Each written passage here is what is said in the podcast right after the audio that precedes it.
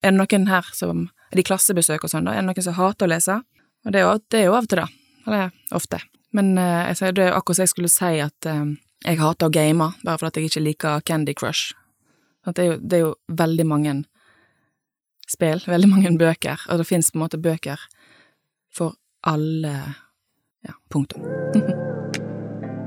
Da lytter du til Sunnhordlandpodden, en podkast med fokus på å framsnakke og heie på folk som brenner for noe her i Sunnhordland. Dette er altså podkasten for deg som vil bli bedre kjent med personer fra Sunnhordland, og som har lyst til å være med og heie på de som står på som gründere i næringsliv, idrett og kulturliv. Nok om det. Her kommer dagens episode.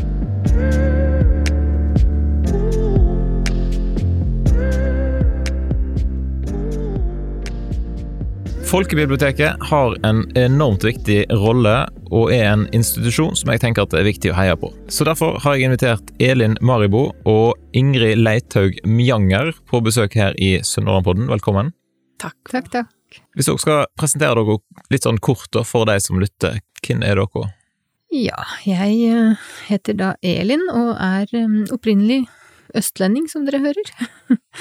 Eh, jeg har jobba i bibliotek siden 93, så jeg har en lang erfaring fra bibliotekverdenen og vært med på kortkatalogens død og inn i det digitale.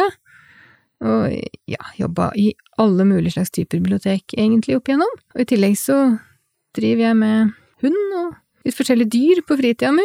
Ja, Da skal vi komme litt tilbake igjen til. Ja. så jeg har et sånt, hva skal man si, et ganske rikt liv. Ja. Mm. Ja, jeg heter Ingrid, og jeg er nå barne- og ungdomsbibliotekar.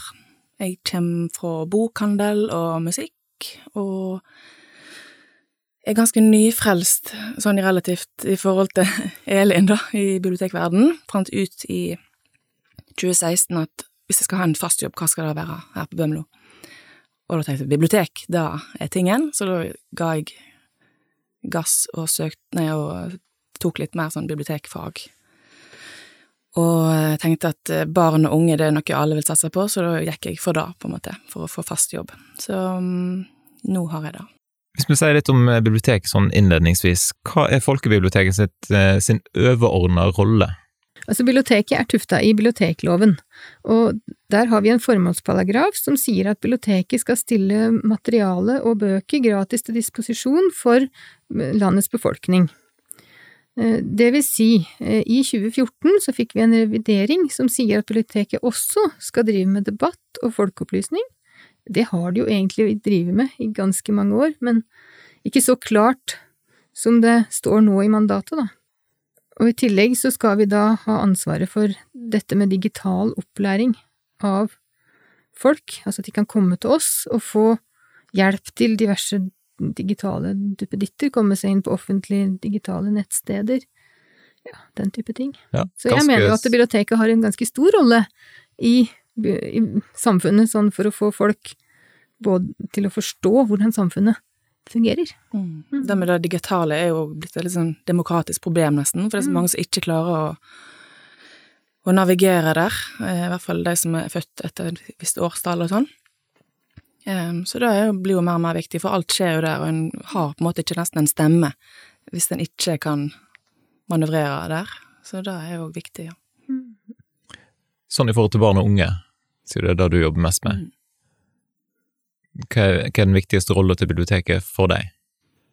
Jeg syns jo da at eh, å gi den gaven som leseglede er, da er stort og viktig for at en skal både bli en god leser og en kritisk leser, og kunne finne seg sjøl, skulle jeg si, eller um, få en viss sånn selvstendighet i sin egen lesing, med å kunne velge sjøl.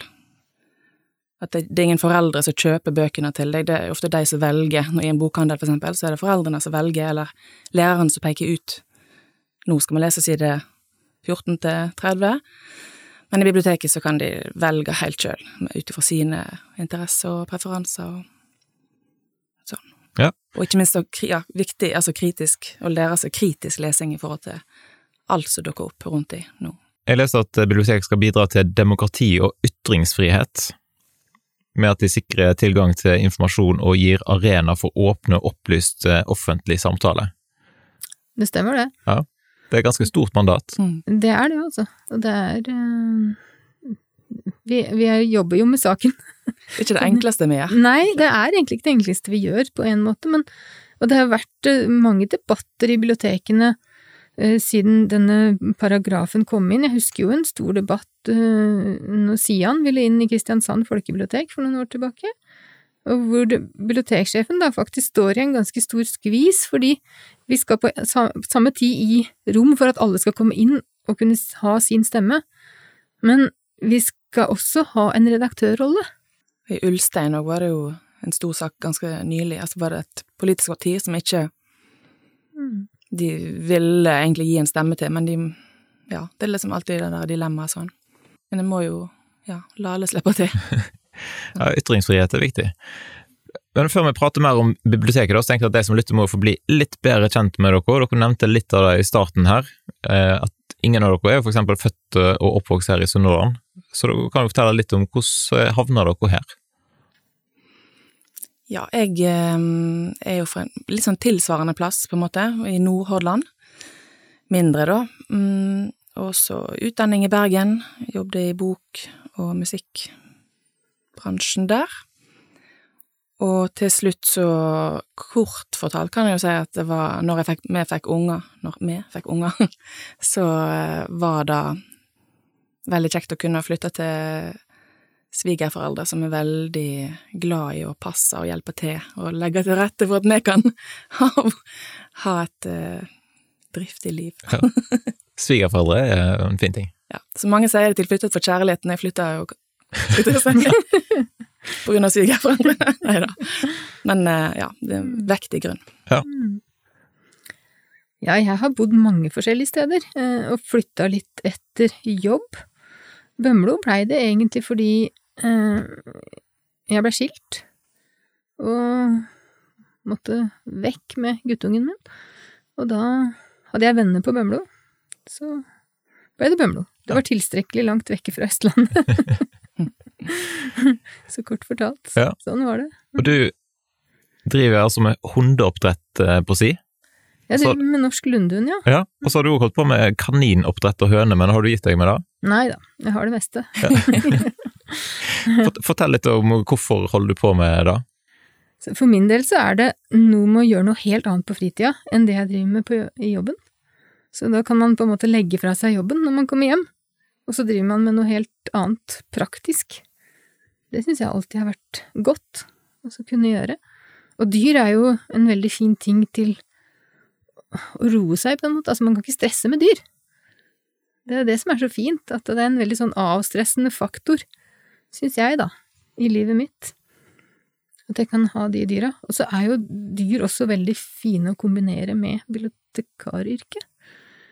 Ja, For du har hatt ei høne som vært med på biblioteket? eller Ja, det, det har jeg hatt tidligere, men um, her på Stord så har vi hatt Kaninmysteriet, blant annet, som et lite skuespill nå i sommer, som da var for unger, Med levende kaniner. med levende kaniner som var med og spilte.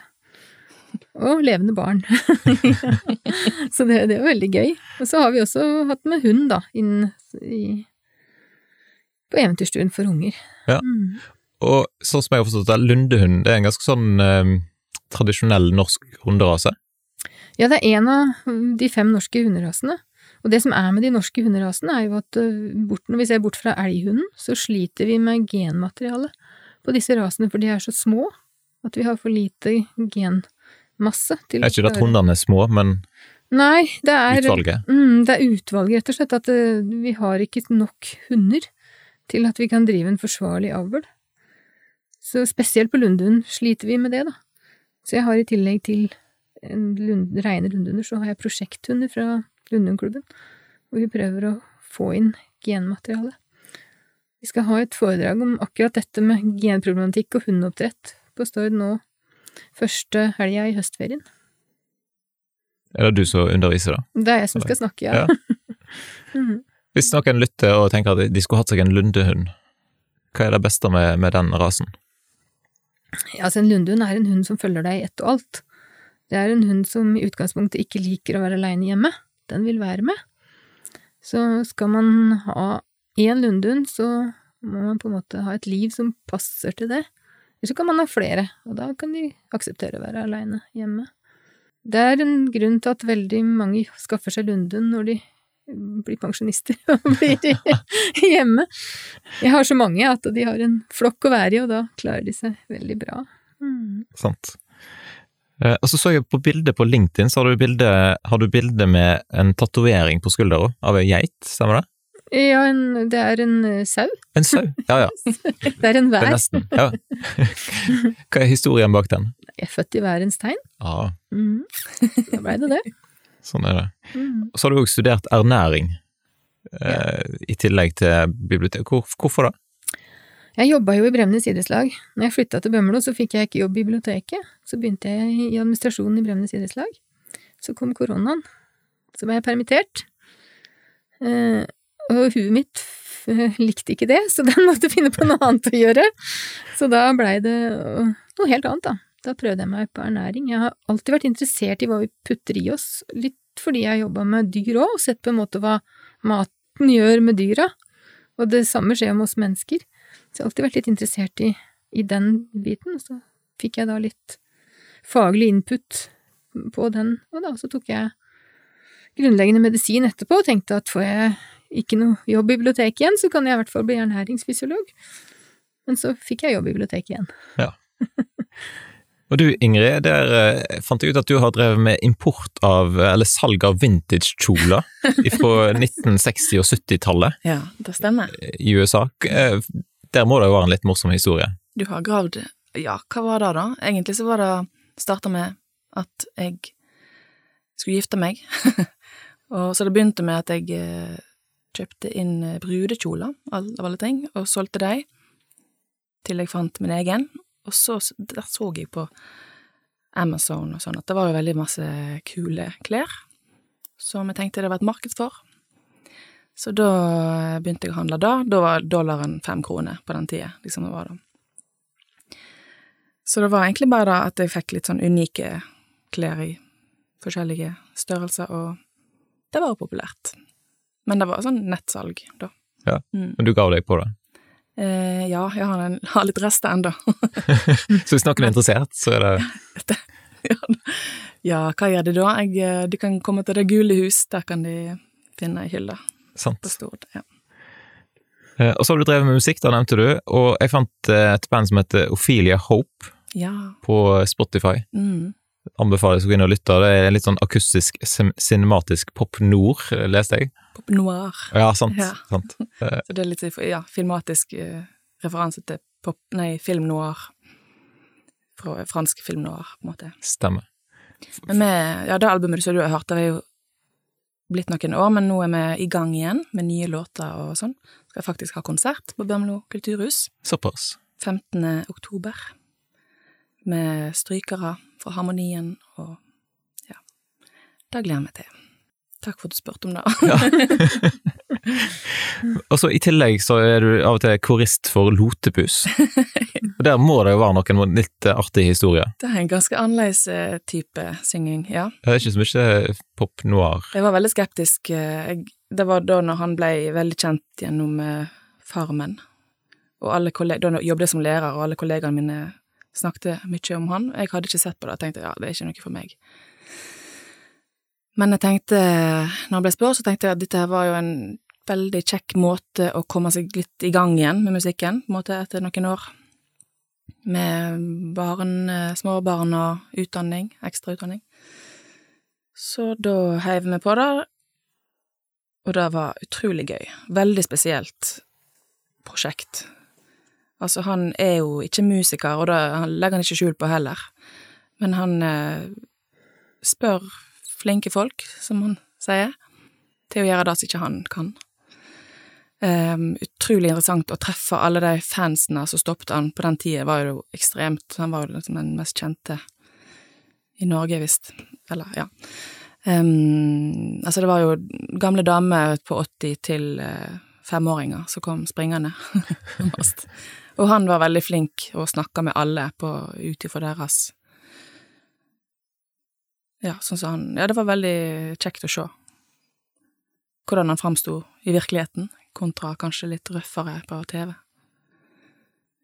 Men er du ofte ute og synger i lag med han? Nei, det var et sånt prosjekt eh, var det i løpet av tre år, når han var på det mest eh, kjente, på en måte. Og så fikk han kreft eh, i strupen. Strupehodet? Ja. Så da ble det en brå stopp på det, da. Men var, da var det bare noen få konserter igjen av det prosjektet, så det var Ja, så da Han hadde jo en uh, grov stemme, men den ble, var jo grovere enn den skulle være, skulle jeg si. Det var en grunn til Ja, det. men han, le, han lever Han lever ennå, sier jeg.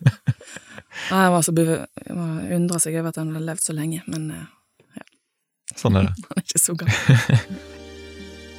I dag er episoden sponsa av Subshore. Subshore er ei lokalt forankra multiindustriell selskapsgruppe med hovedkontor på Stord. Subshore leverer kvalifisert personell og tjenester til industrien med høyt fokus på det fornybare området. Hos Subshore så finner du Subshore-skolen, som er en sertifisert og godkjent opplæringsvirksomhet. Subshore-skolen har regionens mest komplette kurstilbud, spesialtilpassa til store deler av det behovet industrien rundt oss har. Subshore de tror genuint på å gjøre hverandre gode, og at det å bry seg skaper en kultur som gir gode, trygge, sikre og inkluderende arbeidsplasser, med det beste resultatet for alle parter. Subshore har en målsetting om å utgjøre en forskjell i lokalsamfunnet og ha et kontrollert virke i tråd med FN sine mål for bærekraftig utvikling. Subshore er spesielt opptatt av barn og unge i sitt samfunnsengasjement. De er opptatt av mennesket i oss og de grunnleggende verdiene som betyr noe når vi sammen skal bygge et varmt, inkluderende og sterkt samfunn. Subshore ønsker derfor å jobbe på lag med de menneskene, lagene og organisasjonene som strekker seg langt for å gjøre hverandre gode. Stor takk til Subshore for at de ville sponse Sunnhordlandpodden, og jeg oppfordrer deg til å sjekke ut nettsida subshore.no. Men tilbake igjen til biblioteket, da. Når var det dere fikk interesse for bøker og bibliotekarbeid? Dere har jo nevnt at du, Elin, du har jobba lenge i biblioteket. Men jeg har også hørt rykte om at du organiserte tidlig lekene dine. Det stemmer det. Jeg begynte vel tidlig. Alltid vært eh, strukturert, tror jeg, egentlig. Som barn òg. Vi var en lesende familie. Mora mi leste mye, faren min løste kryssord, så vi hadde jo leksikon en masse. Jeg var en sånn unge, så når jeg spurte om noe, så sa faren min sjekk i leksikon! Først, liksom. så jeg Det var før Google. det var før Google, så jeg vokste opp på den måten der. Det måtte jo bli bibliotekar av meg. Jeg las for eh, Bamse og Dokka, eh, Dokke og sånn, eh, og lærte meg sjøl å lese, sier foreldrene mine. Og eh, leste for brødrene mine, og ja, jeg innser nå, eh, når jeg driver med det, at jeg har øvd, øvd på det, eller hatt glede av det hele livet, egentlig. Men så var det noe bokhandel og salg av bøker og sånn, så Og så fikk jeg plutselig den der eh, oppvåkningen av et bibliotek, selvfølgelig. Og det var jo både litteratur og alt det, der samarbeid med andre og få til eh, spennende arrangement og kurs og alt mulig i biblioteket. Du kan jo gjøre alt mulig. Det er jo det som er så spennende med bibliotek, at eh, du har veldig stor frihet i å forme biblioteket ditt innafor lovrammen. Den er ganske vid, så det, du kan putte mye rart inn i biblioteket og gå mye etter de folka du får tak i og, og ja. Nå er det jo eh, veldig mange som blir tilsett som ikke har bibliotekutdanning òg, fordi at altså det er formidling, teater og arkeologer og eh, Så da en, blir en oppfordra nå når en skal søke om midler, altså det er jo sant, staten og Nasjonalbiblioteket som utlyser midler, og da er det jo ofte lover og det som er inn i tiden, skulle jeg si, eh, som styrer det. Eh, så nå oppfordrer de siste gang på at når man bruker de egenskapene som de som jobber i biblioteket har, for å skape nye prosjekt og, og sånn. Det er litt spennende, for det er mange forskjellige Vi får en ny tilsatt nå, som eh, kommer fra teaterverden. Han har vært teatersjef. Såpass. Mm. Inn på Bømlo sitt bibliotek. Ja, så han blir kalt for programansvarlig. Så det blir spennende å se hva skal, eller han skal fylle det med, da. Ja, sant. Mm. Jeg vet ikke hvor godt dere kjenner historien til biblioteket i Norge. Kan dere by på litt sånn bibliotek, bibliotekhistorie? Knask. Knas. ja, Fun altså, facts om biblioteket. Jeg kan jo fortelle litt fra det jeg har lest. Altså, eh, bibliotekene som sådan begynte med sånne bokkasser som blei kjørt rundt. Jeg tror i Norge at de starta på skolene, uten at jeg skal si det helt sikkert, men disse små bokkassene, faktisk på Stord så har vi de gamle bokkassene ennå, fra langt, langt tilbake, så det er ganske morsomt. Eh, det, og bibliotekene var jo ikke da så store. Vi har kanskje biter oss litt i halen nå, fordi at nå begynner vi å sette bøkene ut igjen på butikker og mm. andre steder hvor folk kan uh, låne, ikke sant? Så det, kanskje vi er litt sånn mm. Litt tilbake igjen til der vi opprinnelig begynte, biblioteket var litt omreisende, før det blei uh, Før det landa. Uh, men biblioteket var jo også bare for eliten til å begynne med, det var jo ikke for hopen. Det var jo for de som kunne lese øverst i samfunnet. Det var ingen som hadde en tanke om at biblioteket skulle være noe for å få alle til å lese. Den kom seinere. Mm. Den som vi kjenner som den moderne bibliotekloven, kom i 1983. Ja, Så skjedde en endring i 2014, som yes. du nevnte. Hva var endringen, eller hva gikk da ut på? Det var én setning som kom til i 2014, og det var dette med debatt. Aktiv formidling. Mm, ja. mm. Bare litt endra litt, den ene paragrafbiten der. Ellers så er loven som han har vært siden 80-tallet. Jeg tenker litt på folk nei, på skolebibliotek når du sier det at uh, det var til for de som kan lese og sånn. Mm. På skolebiblioteket Altså, et godt skolebibliotek er jo med på å utjevne forskjeller innenfor mm. lesing og danning, mye mer enn sosioøkonomisk bakgrunn.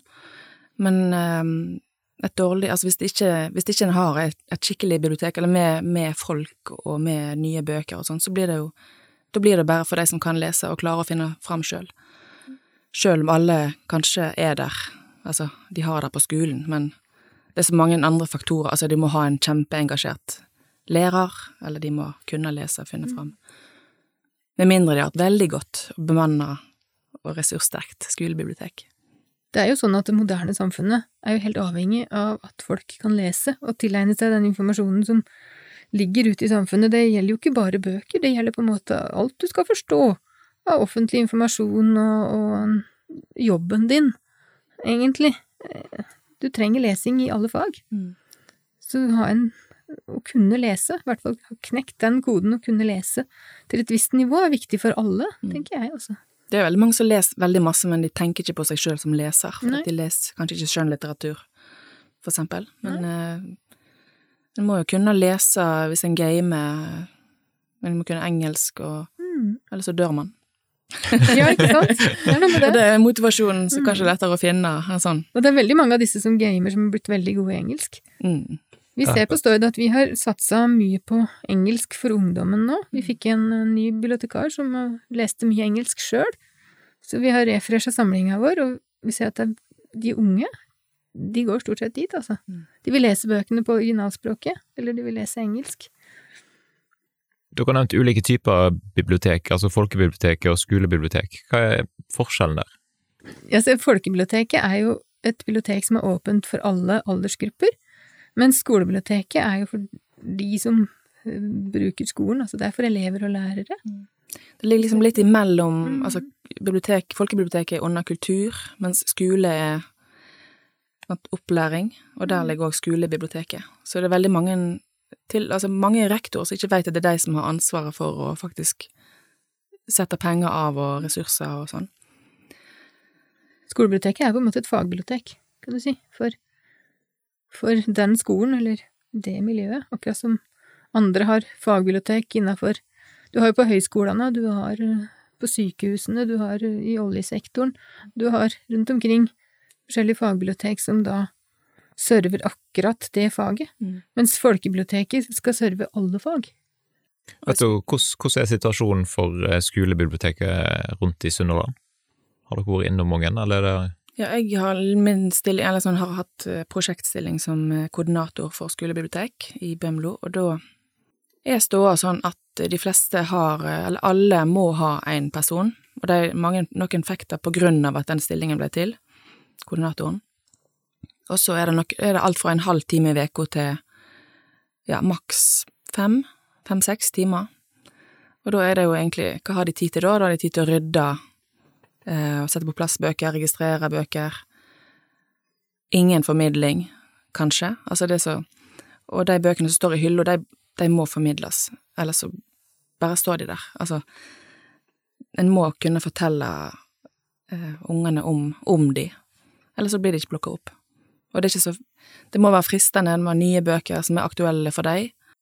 Ja, så en, en skulle jo hatt eh, åpningstider i biblioteket med bemanning, eller i skolebiblioteket, hele Altså så lenge det er unger, friminutter og timen, så kan eh, altså de som ikke orker å være i klasserommet, altså noen har forskjellige utfordringer med å sitte i ro, eller at det blir for bråkete, eller alt mulig, så kan de komme inn, der er det en bibliotekar, så kan de få en liten pause, eller lese litt, eller spille spill, eller. Så er det veldig mange ting et veldig godt skolebibliotek kan gjøre. Og da begynner jeg nesten å grine, for, for det er jo eh, det, det, det, det er så enkelt, på en måte, eh, men det må ressurser til. Mm. Og jeg vet mange skolebibliotekere de gjør veldig masse på fritida, fordi at de er engasjerte, men det skal jo ikke være sånn. Det skal jo være, det skulle jo vært ressurser til det, og bøker. Videregående skolene har jo ansatt bibliotekarer. Mm. Det er ikke så mange år siden det blei normalt å si at de videregående skolene har fastsatt, fast ansatte. Ungdomsskolene begynner nå å komme litt etter, i hvert fall i de største kommunene, så begynner det å bli ansatte bibliotekarer på ungdomsskolene. På Stord så har vi fått prosjektpenger, det fikk de også ved forrige runde, men nå er de i gang igjen med prosjekt på ungdomsskolene hvor vi skal satse på skolebiblioteket da, og få litt mer ressurser inn i det. Nettopp gjøre sånn som Ingrid sier, at vi skal ha formidling, og ikke så mye rydding. Så det blir veldig spennende å se hva vi klarer å få ut av det, og håpet er jo at dette, når vi, prosjektene er ferdig, at stillingene fortsatt skal kunne være der. Det er det som alltid er så dumt med sånne prosjekt, at når vi er ferdig med prosjektet, så detter ofte stillingene vekk igjen. Der har Bømlo kommune vært veldig flinke, for jeg fikk jo den eh, Altså, vi søkte om stilling til 80 koordinator for skolebibliotek, og så har kommunen videreført en del av den, eh, sånn at jeg har en del av det i den stillingen min fremdeles. Og et mål med den, den er jo at eh, flere skal kunne Flere lærere og bibli- skolebibliotekarer skal få mer kompetanse, og nå har vi fått til, i lag med Universitetet i Agder, de skal ha et, eh, en utdanning på, i Haugesund, 15 studiepoeng, som heter eh, Skolebiblioteket i fagfornyingen. Så jeg eh, lyste ut, skulle jeg si, de plassene til rektorene og lærerne, og håpte at det kunne komme noen som søkte. Og nå er det ni søkere i kommunen som eh, vil ta det studiet, da. Og det er subsidiert, og eh, midler fra både kommunen, Bømlo kommune og, og Utdanningsdirektoratet, da, skal brukes eh, til det. Så det er jo ja, helt fantastisk. Og det er fra altså ni, ni stykker fra fem skoler i kommunen. Så det blir jo et fagmiljø der òg, sant, som kan få ringvirkninger igjen. Og så har jeg hatt eh, om noe som heter barnehagebibliotek. Hva er det for noe? Ja, det er noe jeg har hatt med meg fra min praksis. Um, Det går rett og slett ut på at vi setter eh, billedbøker ut i barnehagene i en dertil egna kasse. Bø- Bøkene har nummer påført, og foreldra kan låne fra den kassa med seg hjem, rett og slett ved å skrive nummeret til boka på en plakat i barnehagen utenfor barnets navn, og når de leverer boka, stryke nummeret. Så enkelt utlån. Og barnehagen kan bruke av bøkene i barnehagen og lese for ungene, og så blir kassa bytta oss hver tredje måned.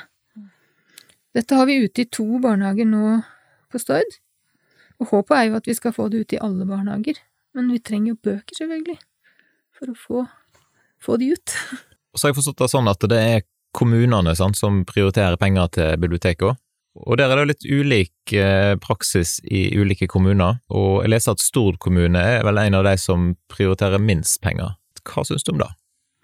Eller Jeg syns jo at de skulle prioritere litt mer, selvfølgelig. tror du jeg Hva skal jeg si? I Nei, tilfelle men altså, noen er jo- politikere lytter. Ja, ikke sant. Nei, men det, er, det handler jo om at uh, hvis man skal få opp bruken av biblioteket, så må man jo òg ha ressurser inn. Jeg tenker jo på nye Nyseter nå, som kommer som et kombinasjonsbibliotek.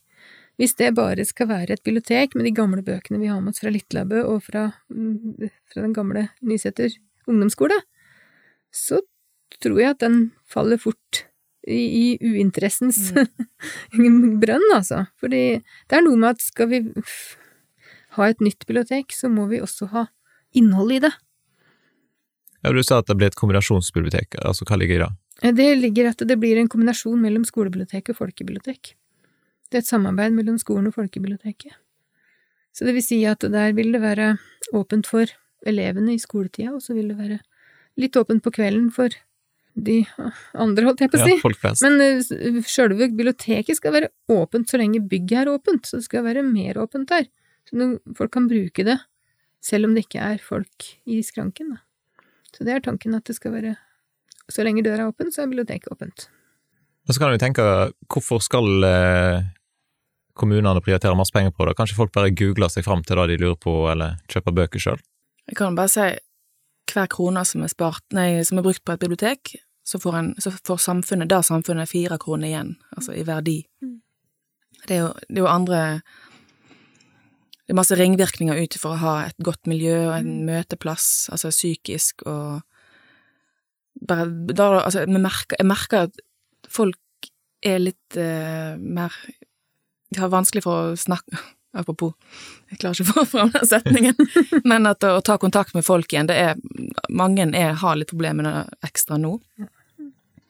Um, men biblioteket er jo en plass der du kan komme aleine. Du trenger ikke sitte der og føle deg aleine for det, for at du, du er ikke du trenger, Altså, det er den eneste plassen, på en måte, det er den eneste plassen som er gratis ja. igjen i samfunnet til bruk, men jeg tenker jo at det aller viktigste med biblioteket er den, dette her med lesinga, altså den grunnsteinen vår, fordi vi trenger eh, et lesende folk. Altså, vi trenger lesinga. Og jeg tror ja, Vi hadde et veldig spennende prosjekt i Modum, den kommunen jeg kom fra, hvor eh, vi scora veldig dårlig på nasjonale prøver på ungdomsskolen. Så kjørte vi inn et prosjekt i ungdomsskolen hvor de skulle lese en skjønnlitterær tekst to timer hver dag.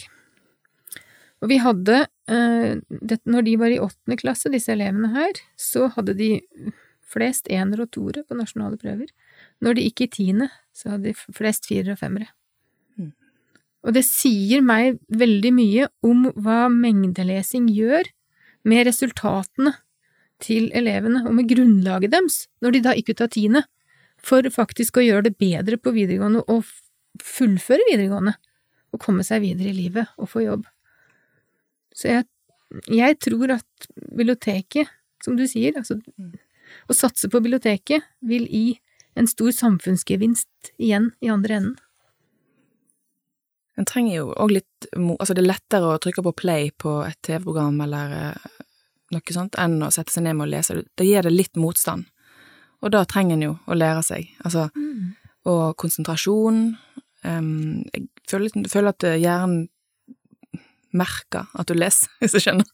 Um, så jeg pleier å si til ungene at, eh, at, eh, du trenger på en måte de samme kunnskapene eller skillsene som eh, du trenger for å være proff fotballspiller, altså fokus, mot, møte motgang og en ting til som jeg ikke kom på nå. Men så vi møter jo mange som spør, liksom, spør, spør ofte om de har Eller er det noen her som Er det klassebesøk og sånn, da? Er det noen som hater å lese? Og det er, jo, det er jo av og til, da. Eller ofte. Men jeg, det er akkurat som jeg skulle si at jeg hater å game, bare fordi jeg ikke liker Candy Crush. Det er, jo, det er jo veldig mange spill, veldig mange bøker, og det fins på en måte bøker for alle Ja, punktum. Mm. kan dere noe statistikk om eh, altså Lesing har jo gått ned etter sosiale medier og Netflix og alt dette her, mm. så eh, den generelle lesing og Men dere har ikke noe tall i hodet på det? Jeg har ikke noe tall i huet, jeg bare veit at trendene ligger til mindre lesing totalt. Altså utlånet på bibliotekene går jo ned, men besøkene går opp. Så det vil jo si at folk gjør andre ting på biblioteket. Og på Stord så ser vi jo veldig at uh, uten de arrangementene så ville antall besøk ha vært veldig labert. Så vi trenger de arrangementene for å få litt høyere besøkstall. Men uh, utlånet uh, er jo Altså, det henger jo sammen med, selvfølgelig, hvor mange bøker man har til utlån, hvor mange nye bøker man klarer, for vi har mange ivrige lånere, og vi har mye fjernlånt bøker fra andre bibliotek. For det er jo sånn at man ikke trenger å sitte med alle bøkene sjøl lenger, i hvert fall ikke på fag, fordi vi bestiller dem fra andre bibliotek i Norge, og vi har ganske gode rutiner på det. Så vi har eh, mange sånne lesere på Stord, altså. Det har vi. Ja, for da synes jeg er en genial ting med biblioteket, da, at hvis du vet at den boka må jeg ha, Mm. så kan du bare gå til dere og så skaffe dere den. Du kan til og med sitte hjemme og bestille sjøl. Mm. Det kan du òg nå. Appen Mm. Bibliofil. Mm. Stemmer. Mm. Vet dere tall for hvor mange bøker som har blitt lånt ut i 2021? Sånn Norge totalt? Har ikke det i huet. Det fester seg så dårlig hos meg, sånne ting, men jeg står på Google. Ja, altså jeg har googla det, så jeg vet at det er 11,2 millioner eh, Mm. totalt i 2021. Og så var det 37% av befolkningen som besøkte et folkebibliotek i løpet av 2021. Kjenner dere tall for Stord og Bømlo? Hvordan ligger den i forhold til nasjonale snittet? Ja, så jeg veit jo at etter koronatida, så det datt jo veldig på Stord, og det gjorde det vel for de aller fleste bibliotek, fordi at vi kunne jo ikke møtes, og bibliotekene var jo delvis stengt også i perioder, eller hadde redusert antall folk som kunne være inne, og sånn, og vi sliter med å få i gang, å få opp igjen besøkstallene våre, da. Vi begynner å få de opp igjen på de dagene vi har arrangement, og de kveldene vi har åpent, men Fortsatt så ligger vi under hva vi hadde i 2018-2019, før pandemien. Så det henger litt igjen. Det henger litt igjen, og det tror jeg det kommer til å gjøre en stund, ja, faktisk. Jeg har hatt klassebesøk på skoler, og at skoler kommer på fol- folkebiblioteket gjennom hele pandemien, egentlig. Så lenge det var selvfølgelig helt lov. Um, så vi har hatt egentlig veldig mange arrangement gjennom hele pandemien, men det er jo skoleklasser og sånn. Mm. Uh, og de, da låner de bøker. De blir gira av det, altså når de får vite litt hva det handler om, og hva type bøker er det, hva, er det fart og spenning, er det rolig, poetisk, eller uh, Ja, lærerne sier jo ofte at eh, oi, ja, nå, nå ble det gira, på en måte. Jeg tenker ja, få en skolebibliotekar, da. Mm. Men eh, ja, jeg tenker at det er så enkelt. Nå kommer jeg stadig inn på det, men Jeg har jo snakket med litt forskjellige folk i forberedelsen til intervjuet her, og en av de som jeg prater med, hun sa at eh, dere finner på så masse kjekt nede på biblioteket. Da tror jeg det var Bømlo det var snakk om, men sikkert samme for stor. Og så lurer de på hvor får dere inspirasjon ifra? Det er jo fra um, folk. Snakke med folk. En stor del av, stor del av jobben syns jeg eh, er å snakke med folk. Og um, så tar for eksempel da hagelaget kontakt og har lyst til å starte frøbibliotek. Og så får vi Og så er det sjakklubb har vi på gang. Ja, inspirasjon Altså, det er jo hele samfunnet. Eller det kan være ei bok som, som gjør at du får en idé. Det Ideene er der overalt. Det er jo bare om å gjøre å begrense seg, egentlig. um, ja, vi er ikke så mange vi kunne vært i biblioteket. Men um, det er jo, ja. Men det er jo sånn. Mm. Du blir inspirert av hva som skjer ellers ute i samfunnet, og, og hva lånerne våre spør etter. Og ja.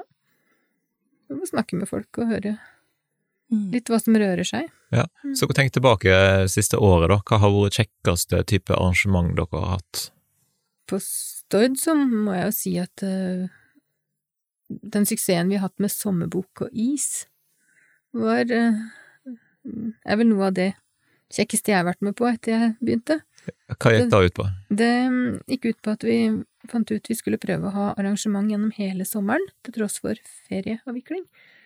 Fordi det er en del, mange barn som er hjemme. Så da hadde vi eh, I fjor hadde vi bare to uker på sommeren hvor vi ikke hadde noe, eller så hadde vi et arrangement i uka som da gikk på opplesning av en bok. En sånn type bok og bolle som vi vanligvis har hatt, men hvor ungene da får en is når de kommer. Og så sitter de og hører på en som formidler en bok, og så kan de få låne etterpå. Så det er en veldig enkel ting det der, og men kjempepopulært. Det kommer masse unger og masse foreldre, og, og veldig, veldig gøy. Og vi hadde så mye folk på de midt på sommeren. Det syns jeg var veldig, veldig gøy, altså. Nå er det jo forferdelig dårlig vær i juli, iallfall her på Stord. Ja, så det var jo egentlig helt optimalt. vi liker dårlig vær på biblioteket. Nei, så dette må vi fortsette med, tenker jeg. Altså, prøve å være et alternativ for de som ikke reiser på ferie alltid. Og det er noen, det. Så vi skal ha aktiviteter nå i høstferien òg, og vi skal ha i vinterferien. Det er litt annet å gjøre på biblioteket enn bare å låne bøker. Det blir litt lege og verksted, litt 3D-printing og litt forskjellig annet. Mm. Du da, på Bømlo? Jeg tror jeg må si alle klassebesøkene. Det er like kjekt hver gang. Og det er variert òg. Det er fra barnehage til eh, tiende klasse. Veldig kjekt å se gløden som ofte kommer da. Det var ei som skrev til meg at hvis hun bodde på Bømlo, så ville biblioteket vært en enda viktigere del av livet mitt. Det er jo en kjekk attest å få. Mm, ja, så kjekt. Det er mange som blir helt Altså, vi har jo fått nytt bibliotek. Midt i pandemien så fikk vi flytte meg ned til Kulturhuset fra et loft på kjøpesenter til Smørauga, og der er det òg lett å samarbeide med kinoen og kulturskolen og Kulturhuset eller som forskjellige ting, og det er stort, og det er satsa på barneavdelingen med kunst. Janne Robberstad har smykka det ut til Det er helt eventyrlig der. Og så er det god plass, og du kan sitte som sagt alene eller en gjeng, eller Det er så godt rom å være i. Kan være der lenge. Så hadde det rykte om at det var kaffe der. Stemmer det? Ja, vi har kafé, iallfall. Gaffel og vaffel på Stemmer. huset. Ja. Så du kan både lese bøker og få god mat. Kan sitte i kirkebenkene som vi har restaurert fra, den, fra kirka, for eksempel. Mm. Så mye gjenbruk. Hvordan er det på Stord, for det har det vært snakk om flytting av biblioteket? Ja, det har det. I mellomtida så prøver vi å utvikle de fasilitetene vi har. Så det som ligger ganske nære for oss nå, er å åpne en ny avdeling for null til tre år i biblioteket. Litt etter inspirasjon fra Sverige, de er kjempeflinke på sånn barnebibliotek i, i folkebibliotekene. Eh, Hvor vi da tenker at dette skal bli en kjekk plass hvor foreldre kan ta med seg sine små. Det skal være gjerda inne, så de kan bare lukke porten bak seg, og så la ungene krabbe rundt, og det skal være sikkert for de minste, at de kan både se på bøker eller drive med litt leiker, eller ja, vi skal i hvert fall lage et miljø hvor det blir kjekt å være for de fra null til tre år, hvor foreldre kan sette seg og amme ungen, eller sette seg og lese i en god stol med ungen, eller ja. Så det gleder jeg meg til. Det blir moro å se det, åssen det blir tatt imot. Ja. Pleier dere å reise innom uh, ulike bibliotek når dere er på ferie, liksom? Ja, det gjør jeg. Ja, jeg òg. Jeg, var, jeg var i Nederland for noen år siden, og da var jeg innom et uh, fantastisk nytt bibliotek. Men de kalte det ikke for bibliotek, da. De sa at nei, vi vil være en kulturkatedral. Da syntes jeg var litt stilig. det de satser veldig, tydeligvis. da. Nederland har jo vært langt framme lenge. Det har vært mange studieturer fra Norge til Nederland opp igjennom. Mm. Men Sverige òg var jo Altså, Sverige har gått en litt annen vei enn oss, og det er litt interessant, for at vi har satsa mye på det digitale inn i biblioteket. Sverige har gått en helt annen vei, de. Mm. Ja, vi har ikke altså, vi har publikums PC, men barneavdeling, for eksempel, er helt fri for digitale. Ja, og det er litt etter hva som skjer i Sverige nå, at de går helt vekk fra det digitale. Vi har faktisk kutta ut PC-en i barneavdelingen, vi òg, på Stød. Men vi har fortsatt digitale arrangement, da. Det har vi. Vi har lyst til å ha spillformidling og, og sånn, men eh, det må jo bli samarbeid med noen. Mm. Og ikke helt knekt koden for det ennå. Altså, det er utrolig, altså, apropos andre bibliotek, å komme inn på Deichman i Bjørvika Mm. nå, der folk sitter i alle Ifra alle um, verdens hjørner, skal jeg si, sitter Det er helt fullt av folk som sitter og koser seg og leser og jobber, og det er yrende liv. Det er fantastisk å se. Det er Det er jo det jeg hadde håpa vi skulle få til litt på Stord òg, for jeg ser det er et behov for at folk trenger en arbeidsplass, Mm. altså så mange som sitter og studerer hjemme, og kan trenge et sted å sitte og jobbe med. Så vi må jobbe litt med de fasilitetene våre, rett og slett. Jeg tror vi har en gruppe der som gjerne skulle vært inne i biblioteket. Hvordan samarbeider biblioteket med andre bedrifter? Gjør dere det? Ja, så vi gjør det. Eh, Det blir jo stort sett lag og foreninger, ikke så mye bedrifter. Men lag og foreninger i forhold til arrangement, det gjør vi. Um, Når det gjelder bedrifter, så er det vel mer type samarbeid med Nav og andre offentlige kontorer. Mm. Vi har det på tapetet mer enn eh, i rommet foreløpig. Mm. Men nå får vi jo en programansvarlig snart. Er det noen grupper dere ser er vanskeligere å fenge eller få inn på biblioteket enn andre? Jeg vil si ungdommen, altså fra ungdomsskolealder og til de får barn. Det er vel den gruppa vi mister mest. Og så har vi en Småbarnsforeldre syns jeg er veldig flinke til å bruke biblioteket. Der har vi mange som kommer igjen da når de får barn. Og så detter de litt ut igjen. Før de blir pensjonister. så det går, jeg tror det går litt sånn i bølger gjennom livet. Men det er vel ungdommen som vi alle sammen strir med rundt i bibliotekene, åssen vi skal klare å få dem inn til å synes det er kjekt å være på biblioteket. Det er ikke så lett bestandig, altså. Vi har en, har en ungdomsavdeling, men vi har bevisst ikke laga sånne altså, kule plastsaccosekker, eller sånn De finner jo De finner seg plasser sjøl, på en måte. Altså hvis vi lager en Her skal det sitte, så er det kanskje ikke så attraktivt.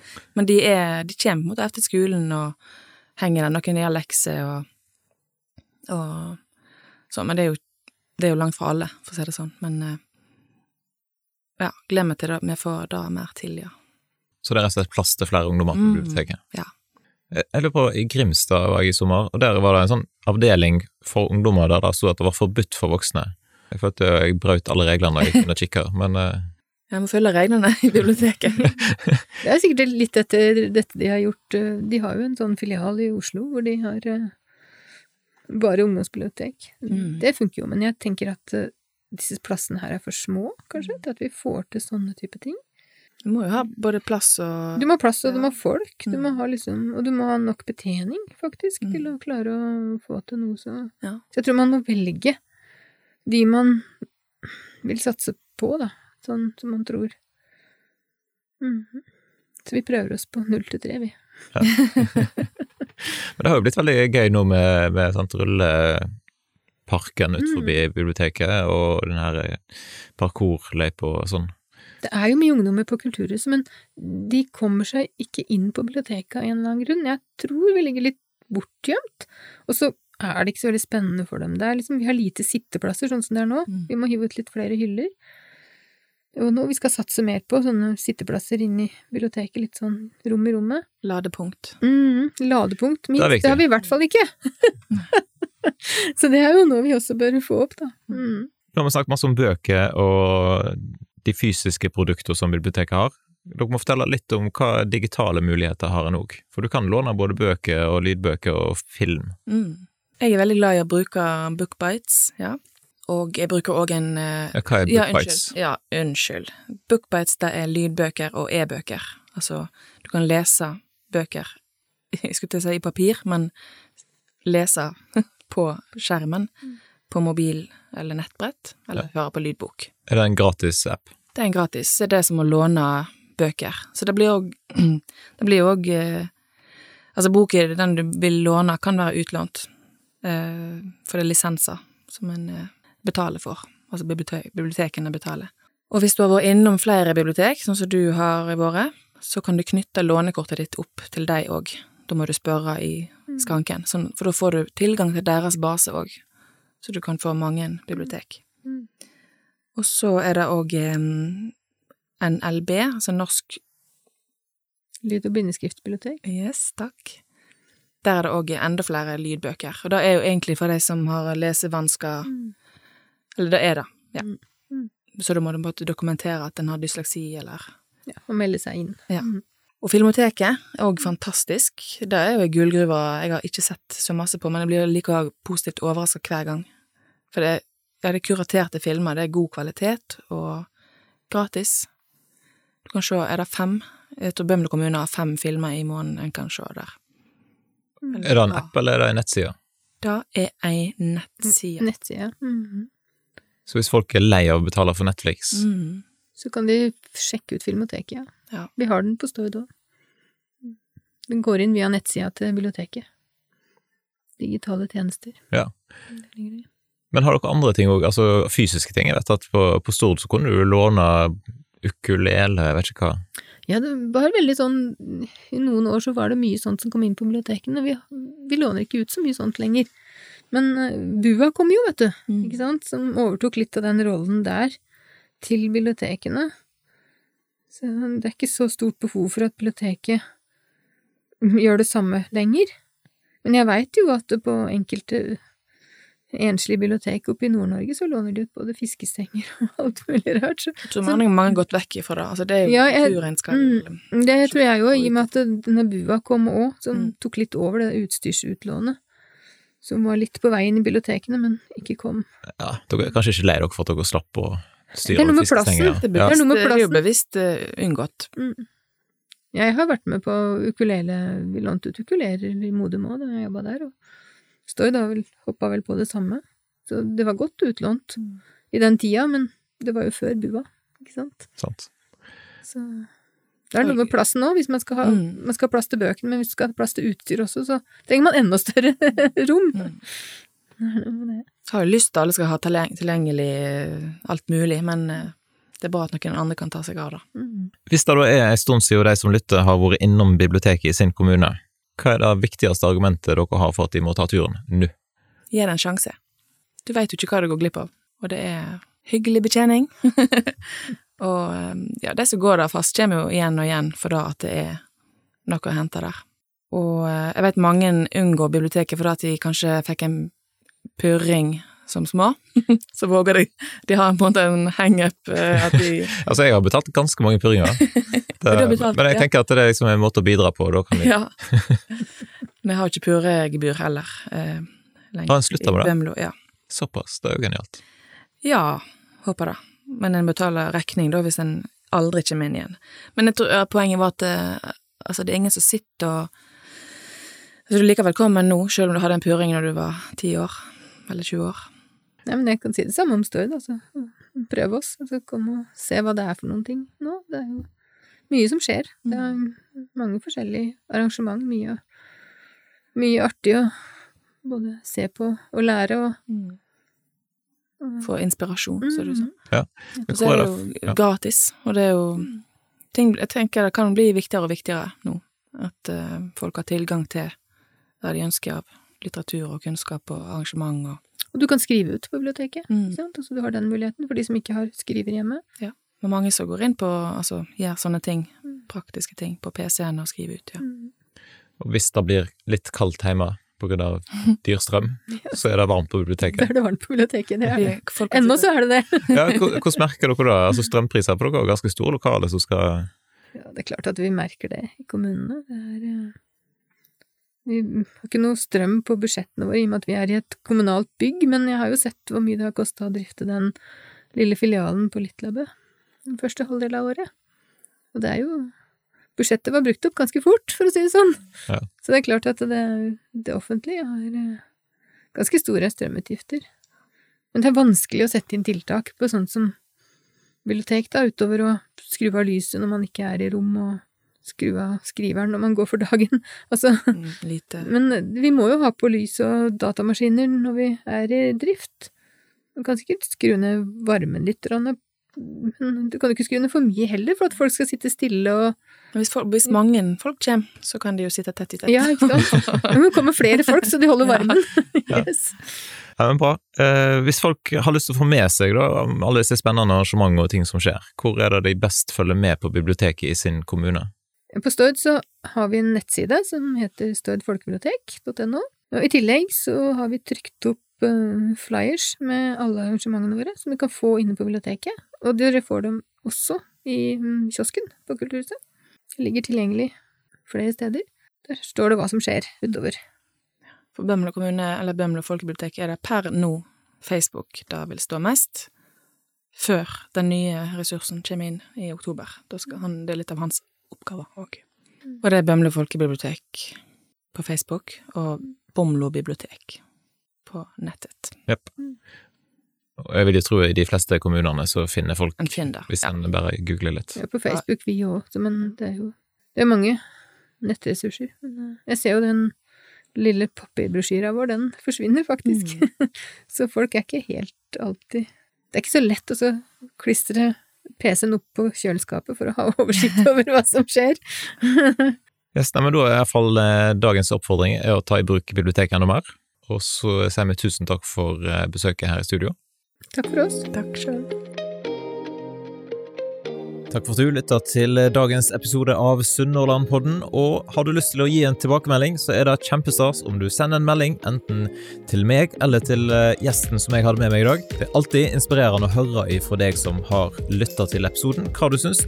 Har du lyst til å gi podkasten en vurdering i Apple Podcaster eller noen stjerner på Spotify, så setter jeg òg stor pris på det.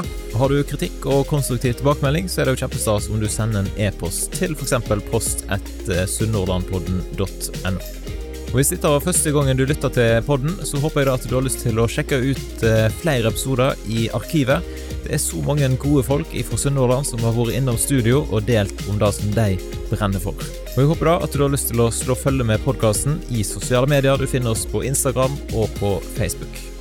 Det er òg veldig flott om du har lyst til å sende inn eh, ønsker og tips om personer som du mener bør være med i podkasten framover. Da ønsker jeg deg en fin dag, og så poddes vi plutselig igjen hvis alt går etter planen.